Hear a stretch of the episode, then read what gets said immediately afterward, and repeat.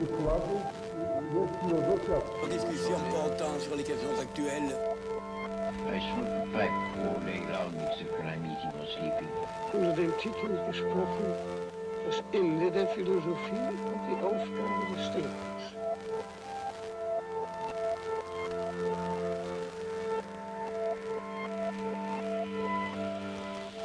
Set kontra. Radio filozoficzne. Zapraszamy do wysłuchania drugiej audycji z cyklu poświęconego filozoficznym problemom zainspirowanym przez dzieła filmowe. W dzisiejszej dyskusji udział wezmą Adrian Rutkiewicz. Robert Piłat. Marcin Piechota. Dominika Cwankowska. Joanna Skórzak Wojciech Kozyra, Mateusz Ustaszewski. oraz Martyna Najman. Moją uwagę przykuł film y, Karmazynowy przypływ. Opowiada on o sytuacji konfliktowej, jaka wywiązała się między kapitanem a pierwszym oficerem na atomowym okręcie podwodnym. Otóż statek ten został wysłany przez dowództwo amerykańskie, aby zajął pozycję, z której dowódca będzie mógł wystrzelić rakiety atomowe na wypadek sytuacji krytycznej, jaka wywiązała się w Rosji, która jest zagrożona przyjęciem władzy przez grupę rebeliantów. W pewnym momencie dowódca dostaje rozkaz przygotowania i wystrzelenia rakiet. Czas, jaki jest potrzebny na wykonanie tego manewru, to 20 minut. W międzyczasie wywiązuje się walka z okrętem nieprzyjaciela, wobec czego dowódca jest zmuszony podjąć decyzję o zejściu na większą głębokość.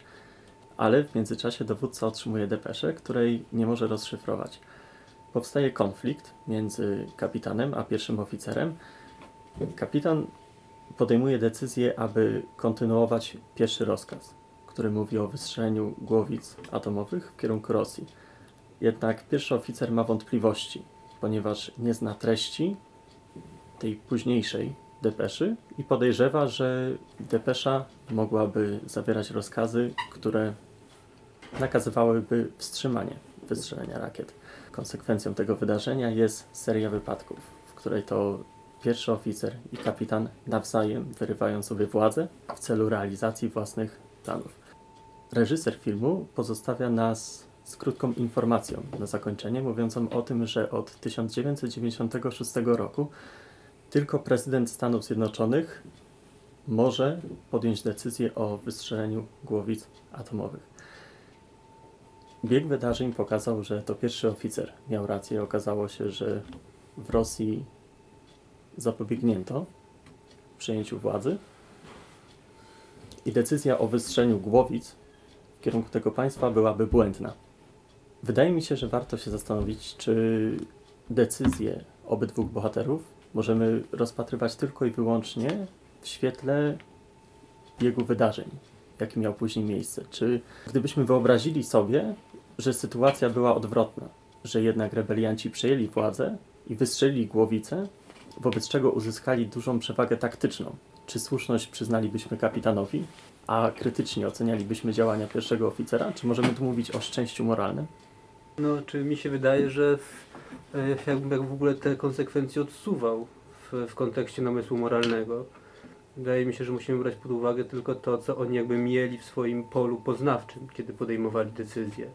Natomiast pierwsza teza, jaką ja bym postawił tak na, na, na początku naszej dyskusji, to jest to, że tutaj bieg wydarzeń, czy, czy, czy, czy ten bieg wydarzeń, który da, potem nastąpił i do którego oni nie mieli żadnego dostępu i, i którego nie mogli być świadomi, kiedy podejmowali decyzje, e, rzeczywisty bieg wydarzeń nie gra znaczenia. Znaczenie oczywiście ma, mają możliwości, które oni sobie mogli przedstawić, co się, co się może dać, dziać, jakie będą i, i, i jaki, ja- jakie konsekwencje dla świata może mieć użycie broni jądrowej, tak? To jest oczywiście ważne, ale, ale sam faktyczny stan rzeczy, myślę, myślę, że tutaj, jeżeli chcemy oceniać moralność ich, ich zachowań, faktyczny stan rzeczy, do którego oni nie mieli dostępu, nie gra, nie gra roli.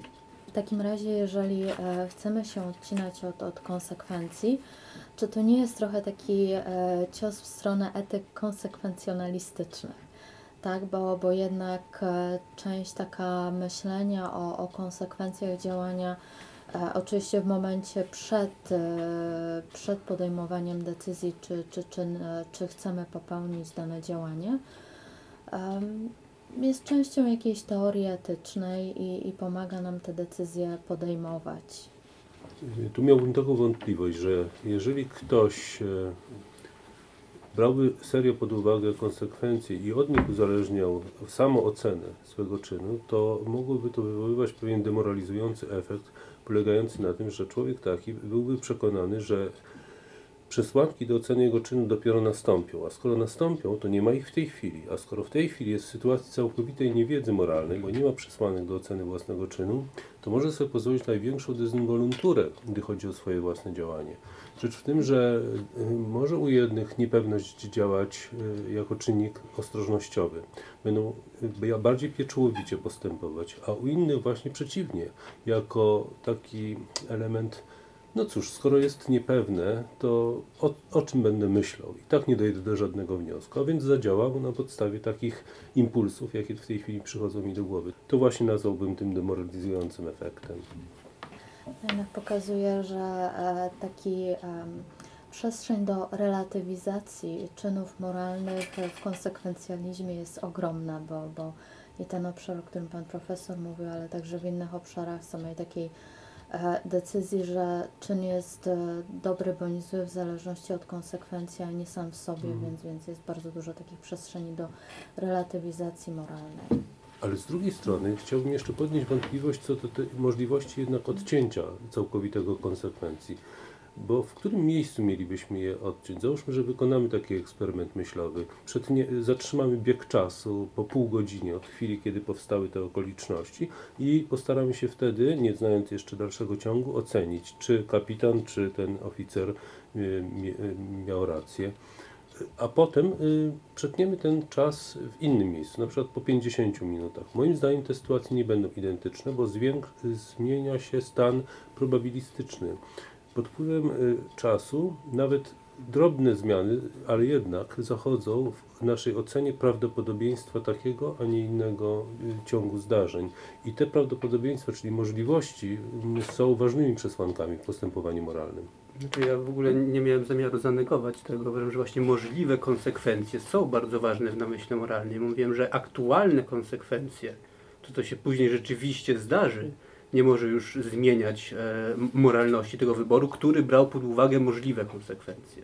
Także jeżeli mogę jeszcze dodać, to oczywiście oni, jeden i drugi, i zastępca, i, i, na przykład zastępca szczególnie brał pod uwagę konsekwencje. Tak, że, że to będzie konsekwencją, będzie wojna nuklearna. To jest możliwa konsekwencja. Teraz nawet jeżeli właśnie wojny nuklearnej e, nie ma, nie ma tak, no to, to, to jakby nie, nie, nie ma znaczenia dla, dla prawidłowości jego sądu. Tak? Bo on brał pod uwagę właśnie tę drastyczną możliwość. Ad vocem przywołałbym przykład, mm, taki mm, eksperyment etyczny dotyczący plutonu egzekucyjnego. Jest taki eksperyment myślowy, w którym mamy pluton egzekucyjny i w tym plutonie egzekucyjnym część żołnierzy dostaje e, ślepe naboje, część dostaje ostrą amunicję i zachodzi pytanie o to, w którym momencie jest podjęta decyzja o zabiciu człowieka. Czy żołnierz, który pociąga za spust, wiedząc, że może mieć albo ślepy nabój, albo ostrą amunicję, podejmuje decyzję o tym, że zabija człowieka. Także jedną z możliwych konsekwencji jest, jest zabicie człowieka. I z tego punktu widzenia, z punktu widzenia intencji tego działania, przyznałbym jednak wyższość moralną pierwszemu oficerowi, dlatego że pierwszy oficer chciał zrobić wszystko, ażeby uniknąć możliwej wojny nuklearnej, natomiast kapitan okrętu godził się na tę konsekwencję w celu wykonania, wykonania rozkazu. Mm, Natomiast z drugiej strony uważam, że problem z oceną moralną tych dwóch bohaterów byłby w sytuacji, e, gdybyśmy próbowali ich ocenić de, z punktu widzenia deontologii, dlatego że mm, właściwie obaj tak naprawdę dążyli do, wy, do wypełnienia swojego obowiązku, tylko inaczej go postrzegali. Mm, Dla kapitana jego obowiązkiem moralnym było przestrzeganie, przestrzeganie rozkazów, natomiast dla pierwszego oficera jego podstawowym obowiązkiem moralnym było właśnie uniknięcie wojny nuklearnej. Wydaje mi się, że rzeczywiście w tym filmie jest również y, pokazana pewna zmiana, jaka zaszła na przestrzeni lat. Otóż y, kapitan, który jest dużo starszy wiekiem, jego punkt widzenia jest taki, że dąży do realizacji tego pierwszego rozkazu zakłada, że żaden inny okręt podwodny nie będzie w stanie go wykonać na wypadek, gdyby oni nie byli w stanie tego zrobić. Wobec czego to na nim leży odpowiedzialność za kraj i przejęcie strategicznej przewagi. Natomiast punkt widzenia i postrzeganie pierwszego oficera jest taki, że on wiedząc o tym, jakie są konsekwencje i wiedząc, jaka jest stawka tej decyzji, a może nią być wyniszczenie całej ludzkości poprzez wojnę nuklearną, próbuje dochować najwyższych standardów budowania swoich przesłanek, a na tym swojej wiedzy. Wobec czego wydaje mi się, że z czasem punkt widzenia zaczął być przybierany taki, że jeżeli jest wysoka stawka, to potrzebujemy najwyższych standardów, aby przypisać sobie wiedzę. Ale pozostaje pytanie, czy to dowódcy okrętów atomowych, żołnierze w wojsku powinni podejmować takie deliberacje, czy powinni po prostu wykonywać rozkazy, ponieważ na to nie ma czasu. Kwestia, kto wygra w wojnie, to są czasem ułamki sekund. Ja się zastanawiam, czy jeżeli, czy jeżeli chcemy rozważać kwestie moralne, który z bohaterów miał rację, to czy nie należy też wziąć pod uwagę szerszego kontekstu, który jest przedstawiony w tym filmie, a mianowicie samej osobowości i jakichś takich kwestii właśnie związanych z uporządkowaniem danej osoby. W sensie takim, że mamy tutaj wyraźny kontrast między kapitanem a pierwszym oficerem, ponieważ kapitan jest przedstawiony jednak jako choleryk, a tak osoba trochę nieuporządkowana. To pokazują te sceny, kiedy e, grozi zastrzeleniem, przykładając pistolet do głowy jednemu z marynarzy i szantażuje drugiego, albo właśnie chce wykonać rozkaz mimo braku zgody pierwszego oficera. Wydaje mi się, że tutaj jest też taka kwestia, że odpowiedź nie jest tak, trzeba wystrzelić. Nie, nie wystrzelić, y, tylko y, pierwszy oficer jednak, to też trzeba chyba zauważyć w tym kontekście, podejmuje pewną próbę dowiedzenia się, jaka była treść tego rozkazu. Czyli on nie mówi, że nie wystrzeli, że rzeczywiście pomijamy tamten pierwszy rozkaz, który został odebrany, ale mówi, mamy godzinę, to poczekajmy, spróbujemy się dowiedzieć, nie działajmy y, gwałtownie, bo stawka jest za wysoka. Jak on to mówi, kosztem może być y, holokaust nuklearny. I wydaje mi się, że to też powinno odgrywać rolę w ocenie y, tych decyzji. Wydaje mi się, że w tym kontekście jednak y, racja, nawet niezależnie od tego, co się stało później, y, stoi po stronie pierwszego oficera, ponieważ on czekał do ostatniej chwili, kiedy szczęśliwie udało się zdobyć potrzebne informacje. Nie wiemy, co by zrobił, gdyby się nie udało ich zdobyć, ale generalnie wydaje mi się, że tutaj jednak zdecydowanie racja jest po jego stronie. Jeszcze może tutaj trochę stanąłbym w obronie jego kapitana, ponieważ wydaje mi się, że różnica mogłaby polegać na tym, kto bardziej co cenił. Otóż przecież kapitan podejmując tą decyzję brał również pod uwagę, że w każdym momencie jego okręt może zostać storpedowany przez inną łódź, wobec czego nie było tej pewności co do tego, że za godzinę będziemy mogli jednak wystrzelić te rakiety, a w konsekwencji czego Ameryka mogłaby przegrać wojnę atomową, więc wydaje mi się, że była tu różnica w wartościowaniu. Otóż dla kapitana najważniejsze było to, aby jego kraj był bezpieczny i miał na wypadek konfliktu przewagę militarną. Podczas gdy dla pierwszego oficera najważniejsze było bezpieczeństwo i przetrwanie całej ludzkości. To rzeczywiście co do wartości mogła zachodzić pomiędzy nimi różnica, ale dla mnie uderzająca jest też różnica w ich metodologii. Y, Kapitan jest większym a priorystą, to znaczy chce oprzeć swoją decyzję na tym, co jest mu dane ponad wszelką wątpliwość. Dostał rozkaz, wykona go. Y, Podczas gdy ten oficer jest trochę a posteriorystą, to on chce czekać. Przyjmuje taką klauzulę ostrożnościową i mówi, czekajmy na nowe dane. Jak dane się pojawią, to będziemy wiedzieć. No ale czasami dane się nie pojawiają, albo też nie ma czasu na ich, na ich zbieranie. Wobec tego z filozoficznego punktu widzenia jest bardzo ciekawe, że właściwie a priori y, nie bardzo możemy y, ocenić, ponieważ y, jeden z, ele- jeden z, z, jedna ze stron sporu, czyli oficer, nie zgadza się na właśnie decyzję a priori. Odmawia podjęcia decyzji na podstawie już posiadanych danych. Chcę podjąć decyzję na podstawie jeszcze nieposiadanych danych. Skoro zadaliśmy sobie pytanie, czy ich postępowanie można ocenić a priori, to trzeba też wziąć pod uwagę to, że jeden z nich nie chciał właśnie postępować na podstawie a priorycznych przesłanek. I to bardzo Znaczy- komplikuje sprawę. Ale możliwość nuklearnego holokaustu była a priorycznym faktem. On wiedział wtedy, że jest taka możliwość i że ona jest całkiem realna. Tak? Przyjmujemy, że ona jest rzeczywiście realną możliwością. I to, I to jest coś, do czego on miał poznawczy dostęp. Tak? Ja bym się ogólnie przychylał też do, do tej tezy, że jednak tutaj zastępca, czyli e, oficer, tak? jakby, że jakby moralna racja jest po, niego, po jego stronie, głównie dlatego, że e, kapitan właśnie zlekceważył e, procedurę. Tak? Tak naprawdę, bo przecież to, e, nie był, jak mówiłeś, że był wierny e, rozkazom, tak? E, ale tak naprawdę właśnie był, czy, był wierny rozkazom, czy, czy, czy procedurze. Bo, był, jeżeli był wierny procedurze, bo nie traktował tego swojego zastępcy jako właśnie uosobienie procedury, tylko odebrał to jako pewien osobisty przytyk. Nie potraktował go, że po prostu system jest taki, że go, ten człowiek go blokuje, jako po prostu czynnik w, tym, w, tym, w tej machinie. Potraktował to jako jakąś taką, jako, jako, jako, jak- jak- jako, obli- jako e, ubliżenie, tak? Czy, i, zareagował bardzo emocjonalnie, co było właśnie e, nie w zgodzie z, z procedurą, więc tu myślę, że jakby mm, e, e, kapitan przegrywa. A ja miałbym jeszcze argument moralny, który idzie w zupełnie inną stronę. Mianowicie żaden z nich nie miał racji i ich działania są y, prawie że równoznaczne pod względem moralnym, a to dlatego, że oba te działania są złe. Jedno działanie i drugie prowadzi do wybicia milionów ludzi na Ziemi. Tylko w jednym przypadku jest to powiedzmy x milionów, a w drugim przypadku jest to x razy 2 milionów. I teraz chodzi o to, że jeżeli dwa czyny są tak dalece oddalone do tego, co byśmy nazwali dobrem, to rozróżnianie pomiędzy nimi jest rzeczą niezwykle subtelną i raczej pewną spekulacją, aniżeli prawdziwym problemem moralnym. Prawdziwym problemem moralnym jest to, że zbudowano system, który może wystrzelić taką broń w sytuacji na przykład pod wpływem informacji o zagrożeniu, że jakoby mogło być wystrzelone rakiety, wystrzelamy rzeczywiste rakiety, które powodują rzeczywiste wybuchy i miliony ludzi giną.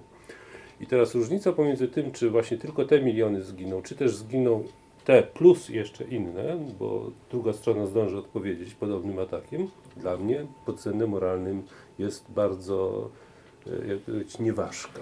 To znaczy ta różnica jest bardzo nieważka. Mamy coś takiego, że na jednym sto, s- jednym y, stronie skali stoi dobro moralne, na drugiej stronie powiedzmy zło moralne, a oba ich czyny mieszczą się bardzo blisko tego, tego bieguna, jakim jest zło moralne. I po cóż nam wtedy to rozważanie, który z nich miał rację? Y, Chcę to wesprzeć jeszcze przykładem może trochę e, zabawnym, ale historycznym. Święty Augustyn e, spekulował na temat wolnej woli, mówiąc tonem takiego sarkazmu pewnego, że nasza wolna wola jest rzeczywiście bardzo dziwnie zbudowana, bo potrafi się zatrudniać również wy problemem wyboru pomiędzy dwoma łajdactwami. Powiada, powiedzmy, że chce iść do cyrku albo do teatru. Oba te czyny, jego zdaniem, były łajdactwami i też muszę się zastanawiać bardzo głęboko, czy jedno łajdactwo, czy drugie chcę popełnić. Więc trochę przez analogię tak traktuję tę sytuację przedstawioną w filmie. Ja się zgodzę z tym, że, albo może trochę rozwinę, że tak naprawdę w sytuacji wojny nuklearnej e, jakby etyka, etyka przestaje istnieć, tak jak fizyka przestaje istnieć w momencie wielkiego wybuchu i w tym, co jest prze- przedtem, tak mi się wydaje, że w sytuacji wojny nuklearnej etyka przestaje istnieć, dlatego że jeżeli jedna strona odpala rakiety, to tak naprawdę niszczy już całą ludzkość tym aktem. Więc to drugie, to odpalenie, to kontrodpalenie z, z drugiej strony faktycznie jest już jest pozbawione tak naprawdę wagi, wagi etycznej, ponieważ skut, skutek tego odpalenia został już od, osiągnięty przez odpalenie pierwszej strony. Natomiast ja bym chciał wziąć jednak w obronę pierwszego oficera, dlatego że to nie było do końca tak, że on się godził, to nie było do końca tak, że kapitan godził się na zniszczenie, e, zniszczenie populacji rosyjskiej, a pierwszy oficer na zniszczenie populacji rosyjskiej i amerykańskiej. E, Dlatego, że pie, pierwszy oficer po prostu jakby on wyraża wiarę w to, że system zadziała. Także jest, jest redundancja w systemie wystrzelania tych rakiet amerykańskich i nawet jeśli oni nie, nie znają tego rozkazu i wstrzymają się z wykonaniem, to dowództwo, widząc ich zawahanie, przekaże ten rozkaz innej, innej jednostce, która będzie w stanie, w stanie to zrobić. Także on jakby był zabezpieczony na dwóch frontach. Z jednej strony nie popełnia, nie popełnia czynu, który postrzega jako zły, czyli nieuprawomocnione, nieuprawomocnionego odpalenia tych rakiet, a z drugiej strony, jeżeli ta depesza jest, jeżeli ta depesza nie odwołuje rozkazu, to druga depesza, a, albo nie jest tak jak kapitan podejrzewa, że była to zmyłka ze strony Rosjan, no to wtedy e, ich rolę przejmuje inna jednostka, która ma dostęp do pełnej informacji. Mm, Też mi się wydaje, że można w ten sposób bronić pierwszego oficera. Dodatkowo na jego korzyść przemawiają też te sceny z filmu, które odnoszą się bezpośrednio do wojny. Tam na początku jest taka scena, kiedy oni siedzą, jeszcze nic się nie dzieje na tej łodzi i właśnie rozmawiają na temat wojny i on właśnie wy, wypowiada się negatywnie na ten temat. Znaczy, podaje, że tym stanem, który byśmy sobie życzyli, jest taki stan, kiedy nie, nie, nie, nie potrzeba używania broni nuklear, nuklearnej, czy w ogóle nie ma wojny. Ale ten film y, spowodował we mnie y, zadanie sobie jeszcze jednego pytania, a mianowicie na ile mm, my chcemy właśnie się pozbyć tej odpowiedzialności podjęcia takiej decyzji, czy zrobić to, czy tamto, poprzez wprowadzenie procedur. Mm, Bo okazuje się, że w, tutaj mamy przykład tej łodzi podwodnej czy wojska, ale tak naprawdę, jeżeli popatrzymy na nasze życie, to coraz więcej sfer jest y, zagarnianych przez procedury, że nie można zrobić czegoś tam, bo procedura nie pozwala. Y, nie wiem, powiedzmy w medycynie, że lekarz nie może zrobić jakiegoś tam czynu, który ma pomóc pacjentowi, ponieważ procedura mówi, że trzeba zrobić to czy tamto. Y, albo w, w przypadku, no nie wiem, no, samolotów to jest bardzo często i tak dalej. Ale chodzi mi o to, że czasami y, jakby życie pokazuje nam, że nie da się uciec od tej odpowiedzialności. Że jednak procedura nie rozwiąże za nas problemu, czy postępujemy moralnie, czy nie, ponieważ życie jest zbyt bogate i jeżeli byśmy chcieli stworzyć, nie wiem, sztuczną inteligen- inteligencję, której wprowadzimy program, który będzie decydował zgodnie z procedurą, jak postępować, to on nie jest w stanie postępować yy, moralnie w naszym pojęciu. Jednak człowieka to nic nie wręczy. I to też pokazuje chyba ta ostatnia scena tego sądu, który mówi, że nie opowiada się po niczyjej stronie, kto miał rację, a z drugiej strony ten końcowy napis, że to jednak prezydent będzie teraz decydował, czyli jednak osoba, czyli zdejmuje tą odpowiedzialność z procedur.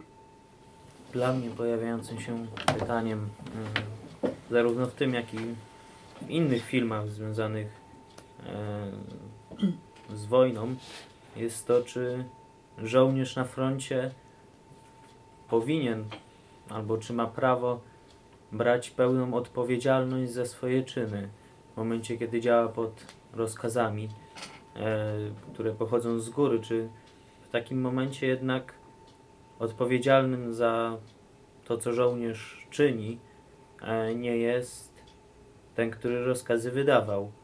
Więc może, więc w tym momencie stanę w pewien sposób na przekór ostatnim wypowiedziom. Czy branie pełnej odpowiedzialności przez pierwszego oficera na siebie e, było faktycznie słuszne w momencie, kiedy działał mm, pod czyimiś rozkazami, czy w jakiejś hierarchii, czy miał prawo decydować, czy miał prawo brać na siebie pełną odpowiedzialność w momencie, kiedy nie znał wszystkich faktów wobec rozkazów, które zostały wydane z góry, czy jednak na okręcie racji nie miał kapitan, który, rzekając się odpowiedzialności, uznawał odpowiedzialność osób, którym podlegał.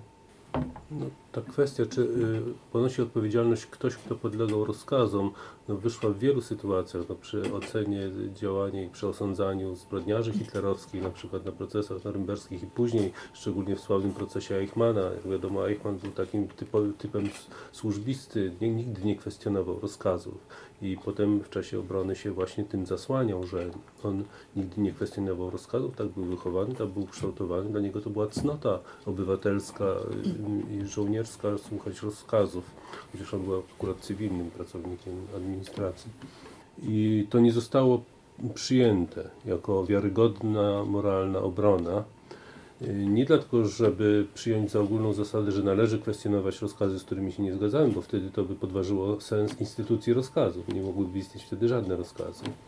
Jednak istnieją takie sytuacje, kiedy ktoś, kto słucha rozkazów, podjął już wcześniej decyzję o tym, że będzie słuchał tych rozkazów i za tę decyzję ponosi odpowiedzialność. Ktoś, kto wstępuje do NSDAP, rozpoczyna pracę jako organizator transportu więźniów do obozów śmierci, oczywiście podjął decyzję o tym, że będzie słuchał następnych rozkazów dotyczących procedury wysyłania tych więźniów. Tak samo jest z żołnierzem, nawet jeżeli został wcielony wbrew swej woli na mocy poboru, na przykład w sytuacji wojny, to i tak nie jest tak, że nie miał nigdy wyboru. No, mógł uciec albo zdezerterować. To się przecież zdarzało. Wtedy ktoś naraża swoje życie, ale postępuje w związku ze swoimi regułami. Więc chyba nigdy nie ma takiej sytuacji czystego rozkazu, że ktoś całkowicie ma zdjętą odpowiedzialność tylko na skutek tego, że działa na mocy rozkazu. W tym przypadku chyba też, też, też, też tak było, gdy chodzi o kapitana. Moim zdaniem jeszcze na e, niekorzyść kapitana przemawia to, że e, ten pierwszy mm, komunikat, ta, ta pierwsza wiadomość została nieodebrana całkowicie, tak? Czyli ten sygnał był e, rzeczywiście przerwany. I tam widać w takich jego argumentach, czy, czy może to nie były tyle argumenty, co, co pewna taka sposób mobilizowania załogi, czy uzasadnienia swojej decyzji był taki, no panowie wiecie po co przyjechaliśmy, tak? Mamy zadanie, powinniśmy je zrealizować. Czyli tak jakby on przyjął tą przewagę swoich założeń, że on ma zrobić ten, to działanie, tak, że, że on ma rzeczywiście ten pocisk wystrzelić, e, nad tym, że rzeczywiście no, ten rozkaz nie był tak naprawdę pewien, więc e, tutaj nie było takiej z jego strony rzetelności i, i sumienności w tym odczytaniu rozkazu, tylko bardziej przeważały jego prywatne ambicje, czy, czy skupienie się na celu, e, czy jakiś taki etos walki, nie wiem jak to nazwać. Y, tej sytuacji bardzo obawiał się na przykład prezydent y, Kennedy podczas kryzysu kubańskiego, że któryś z dowódców jednej albo drugiej strony w wyniku zaistniałej sytuacji będzie w stanie rozpocząć konflikt nuklearny, mimo tego, że ani jedno państwo, ani drugie nie wydało takiej decyzji. Y, Ale teoria gier zakłada taką strategię, a mianowicie jazdę na krawędzi, czyli doprowadzenie do sytuacji, gdzie kolejna strona będzie miała do wyboru dwie alternatywy. Albo eskalować konflikt, który, będzie dużą, który przyniesie dużą stratę dla obydwu stron, albo się wycofać, który przyniesie jakąś stratę dla osoby ustępującej, korzyść dla osoby, która wygra, ale zapobiegnie eskalacji konfliktu i obopólnej stracie. Więc być może odpowiedzialność leżałaby również w kierujących państwami, którzy dopuszczają do takiej sytuacji, bądź wybierają właśnie tą strategię, podejmują ryzyko jazdy na krawędzi. Ja Miałbym jeszcze jeden problem moralny do podniesienia w związku z tą sytuacją, o której rozmawiamy. Mianowicie prawo do powstrzymania się od działania. Tutaj myślimy o tej sytuacji filmowej tak, jak gdyby jakieś działanie musiało być dokonane. A dlaczego nie możemy działać w ten sposób, że właśnie przestajemy działać? Jest sytuacja niepewności i y, poniżej pewnej granicy ro- rozsądku czy rozsądnych przesłanek czy rozsądnej oceny prawdopodobieństwa zdarzeń, możemy powiedzieć po prostu nie, nie wykonamy żadnego czynu, ani w tę stronę, ani w tę stronę. Oczywiście przeciw temu powiedziałby na przykład filozof Jean-Paul Sartre, że nie ma czegoś takiego, ponieważ decyzja o niepodjęciu działania jest również decyzją. Tym niemniej w tej sytuacji, kiedy mamy alternatywę wystrzelać czy nie wystrzelać, mm, albo wystrzelić teraz lub wystrzelić później, ktoś może powiedzieć, moja pozycja moralna w tej sytuacji polega na tym, żeby nie robić nic. No i teraz można to zinterpretować w ten sposób, że to jest zrzucanie odpowiedzialności na kogoś innego. Ja powiem, nie robię nic, a zatem ktoś, kto tam nade mną stoi i wydaje rozkazy, powie, aha, to zatem niech to zrobi ten inny. I wtedy na niego zrzucam tę odpowiedzialność, zgodnie z taką ewangeliczną zasadą, że zgorszenie musi przyjść, ale dlaczego przeze mnie? Tak? No, parafraza oczywiście z mojej strony. Ale dlaczego przeze mnie?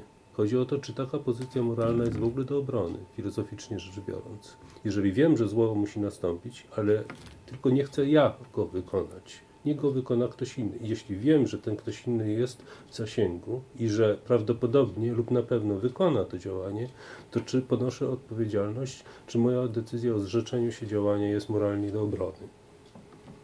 Wydaje się, że taka sytuacja jest dosyć e, wyidealizowana, ponieważ przecież cały czas na człowieka działa czas i jednak jakieś rzeczy stają się i dzieją i zaniechanie jednak tej perspektywie czasu biegnącego, zresztą tak jak też w tym filmie, to działanie nabiera jakiegoś e, statusu jednak moralnego.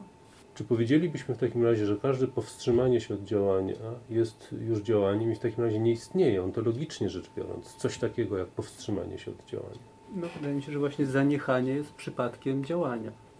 Także zaniechanie na przykład w przypadku oficera było bez wątpienia działaniem.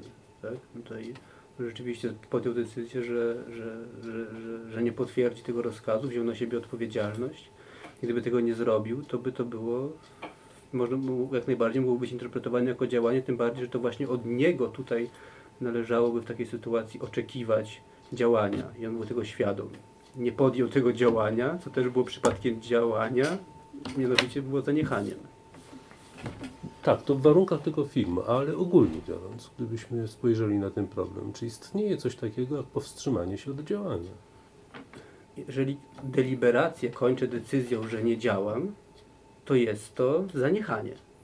I teraz pytanie, czy zaniechanie jest działaniem? Tak? Ja bym się skłaniał ku tezie, że jest działaniem. Wydaje mi się, że tak. Ja też się zgodzę z tą tezą. Yy, zaniechanie jest działaniem. Jeżeli jest sytuacja, kiedy musimy działać, a nie działamy, to wydaje mi się, że to nie jest obojętne moralnie jednak, że nie, nie pomożemy komuś, nie uratujemy jego życia, czy różne są sytuacje, ale wydaje mi się, że to można rozpatrywać negatywnie, takie zaniechanie działania. Nie wiem, czy powstrzymanie się od działania można nazwać działaniem. To mi się wydaje trochę sprzeczne pojęciowo, ale na pewno powstrzymanie się od działania jest czynem w sensie moralnym. Moim zdaniem też nie, nie może być jednoznacznie rozpatrywane negatywnie, tak? Bo, bo jeżeli powstrzymujemy się od złego działania, mimo że różne okoliczności nas ku temu kierują, czy, czy tak jak tutaj notaracja za powstrzymaniem tego działania, to, to jednak e, była taką racją, żeby nie wywołać konfliktu, tak? Więc, więc ten argument jest bardzo mocnym argumentem, więc wydaje mi się, że nie zawsze prowadzi to do niewłaściwego działania, nie, niewłaściwych rzeczy. Tak, tak, ale dyskutujemy, czy to jest działanie, to zaniechanie. Tak? Ja myślę, że to, jak Pan powiedział, że to jest sprzeczność e, pojęciowa, mi się wydaje, że to jest sprzeczność słowna, właśnie nie pojęciowa. Że tutaj często mówimy, kiedy ktoś, kiedy ktoś deliberował i zdecydował się zaniechać, to mówimy, co ty czemu to zrobiłeś?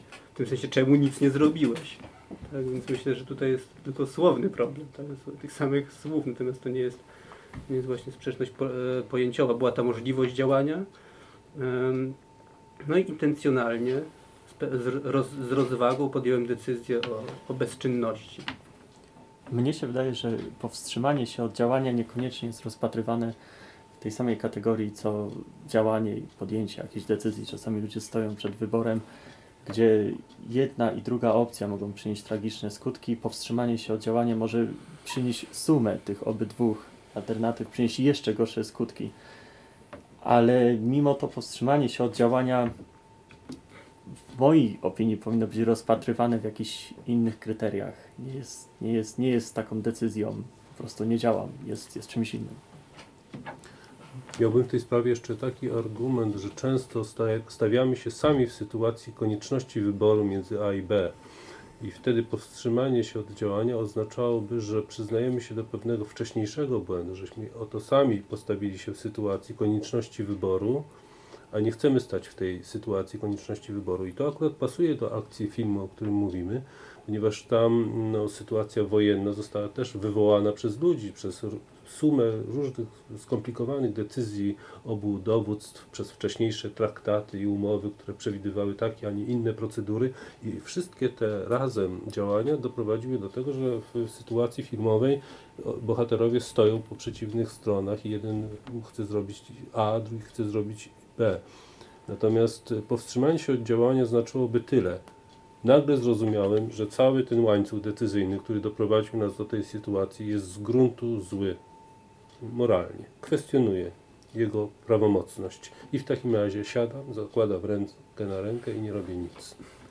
Czy, czy, czy to rozumowanie doprowadziłoby Pana do stwierdzenia, że na przykład w obozach koncentracyjnych nie było miejsca na moralność? Tak?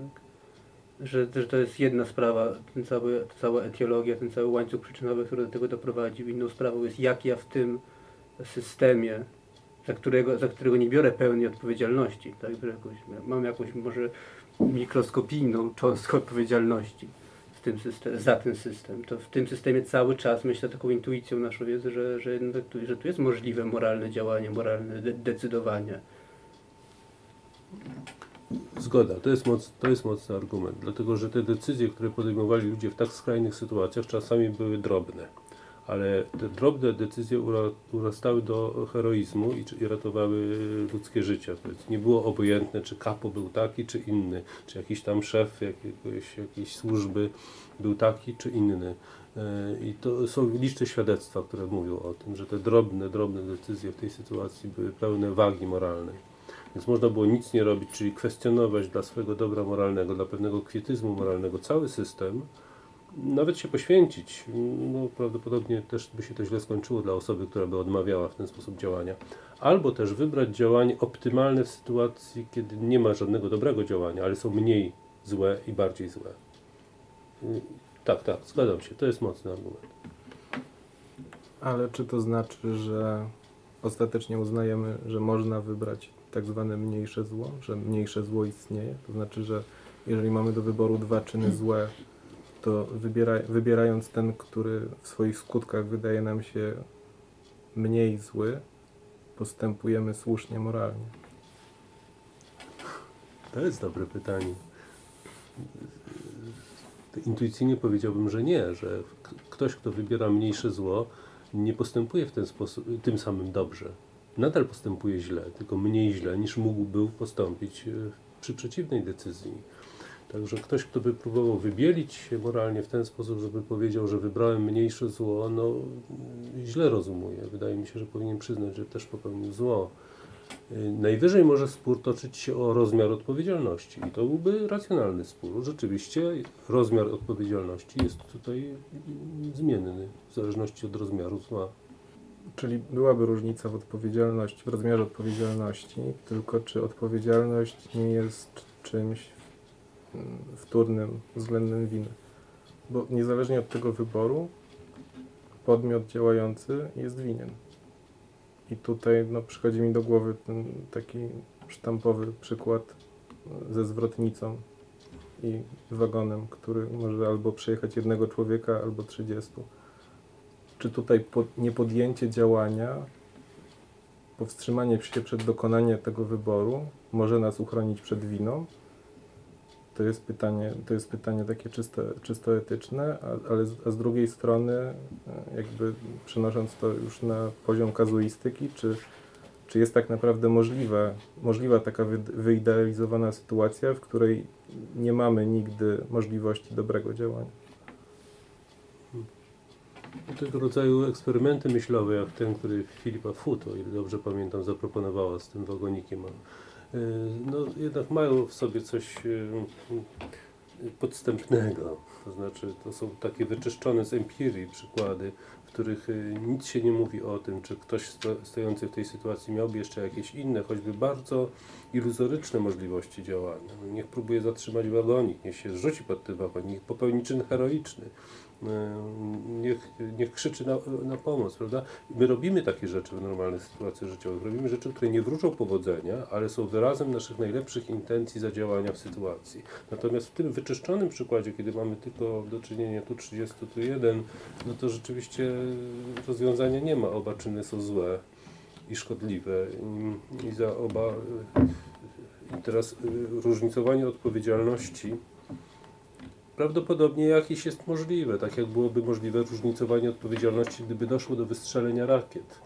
Wówczas też y, można by się zastanawiać, czy, ba, czy bardziej odpowiedzialny jest ten, kto wystrzelił dwie rakiety atomowe, czy jedną rakietę, czy... ale tak jak mówiłem wcześniej, tego rodzaju rozróżnienia wydają mi się co prawda słuszne, ale bardzo y, ulotne, bardzo mało relevantne w stosunku do naszych intuicji moralnych, tak dalece odległe od tego, co byśmy chcieli widzieć w świecie, że rozważanie tych możliwości y, wydaje się raczej zabawą y, intelektualną niż prawdziwym rozważaniem moralnym. Może, może trochę odbiegnę od tematu, ale podobny, podobny wybór przedstawiał William Styron, na przykład w książce Wybór Zofii. Y, I, I tam właśnie bohaterka stanęła przed wyborem, które dziecko uratować, a powstrzymanie się od decyzji wiązałoby się z tym, że oficer zabrałby ob- obydwoje dzieci a, do komory śmierci. Więc y, bohaterka była pozbawiona właśnie tego rzucenia się pod wagonik, jakiegoś powstrzymania. Ona powstrzymując się od wyboru, przyjmowała to, że konsekwencją będzie wybór, który będzie niemalże dwukrotnie gorszy co najmniej od każdego z tych poszczególnych, ale I, I czy ona zrobiła coś złego według, według Pana? Znaczy, kiedy ona musiała wybrać, jakby no, musiała działać, bo, bo, bo gdyby nie działała, to by większe zło zostało, zostało wygenerowane, a, a poprzez jej czyn zostało mniejsze zło wygenerowane, bo tylko jedno dziecko zostało zamordowane. Czy to i, i, Ja się zastanawiałem często nad, nad rzeczywiście tą książką Styrona i nad tą sceną i tak wahają się moje oceny, czy to jest trik, tak jak w wypadku eksperymentu myślowego, czy to jest próba wczucia się w możliwą dramatyczną sytuację, ale ostatecznie myślę nie, to nie, nie jest trik, rzeczywiście, to jest pisarz, pisarz, pisarz nie, nie, nie zajmuje się łamigłówkami, tylko przedstawia sytuację, która nas jakoś zobowiązuje. I ta sytuacja nas zobowiązuje, ale nie sądzę, żeby ona wykonała jakikolwiek czyn. Chodzi o to, że przedstawia się tę sytuację bohaterki jako sytuację decyzji, ale to nie była żadna decyzja. Miała tylko pozór decyzji. Yy, I warunki do stworzenia decyzji zupełnie nie odpowiadają temu, co standardowo się nazywa warunkami podejmowania decyzji. Jest to po prostu mord, tylko dokonany w pewnej zniuansowanej postaci.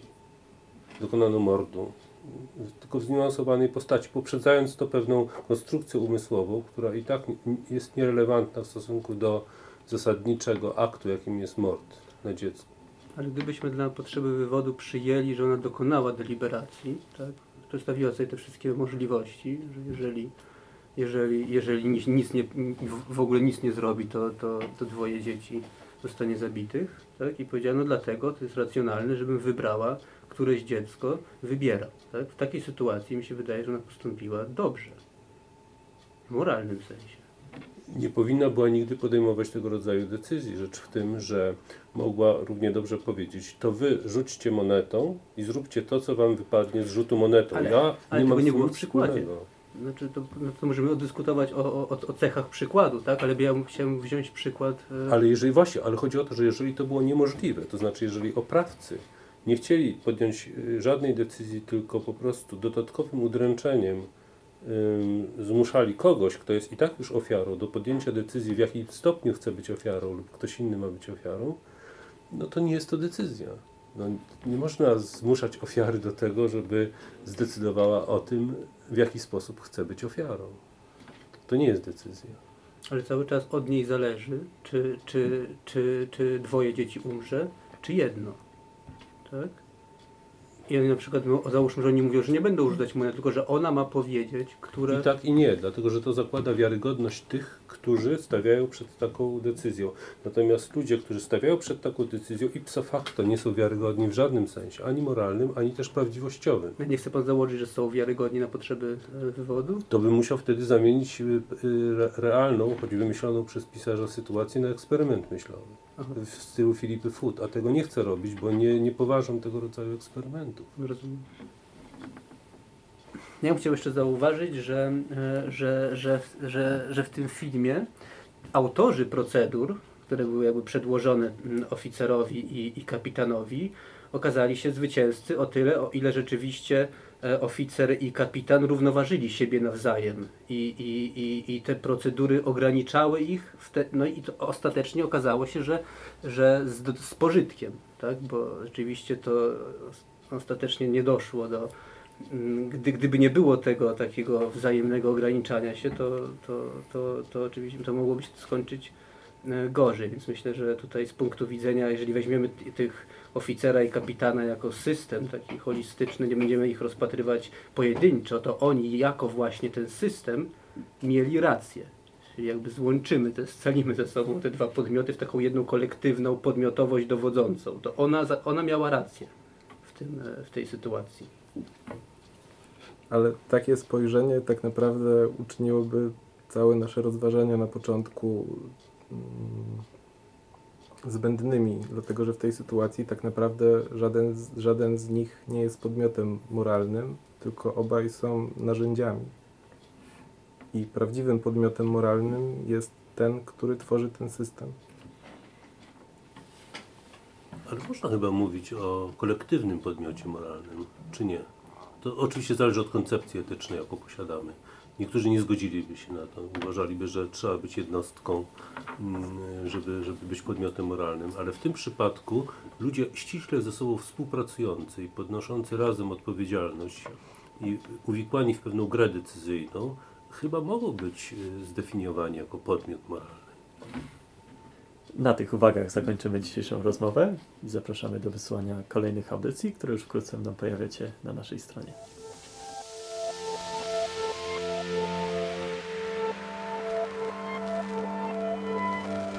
E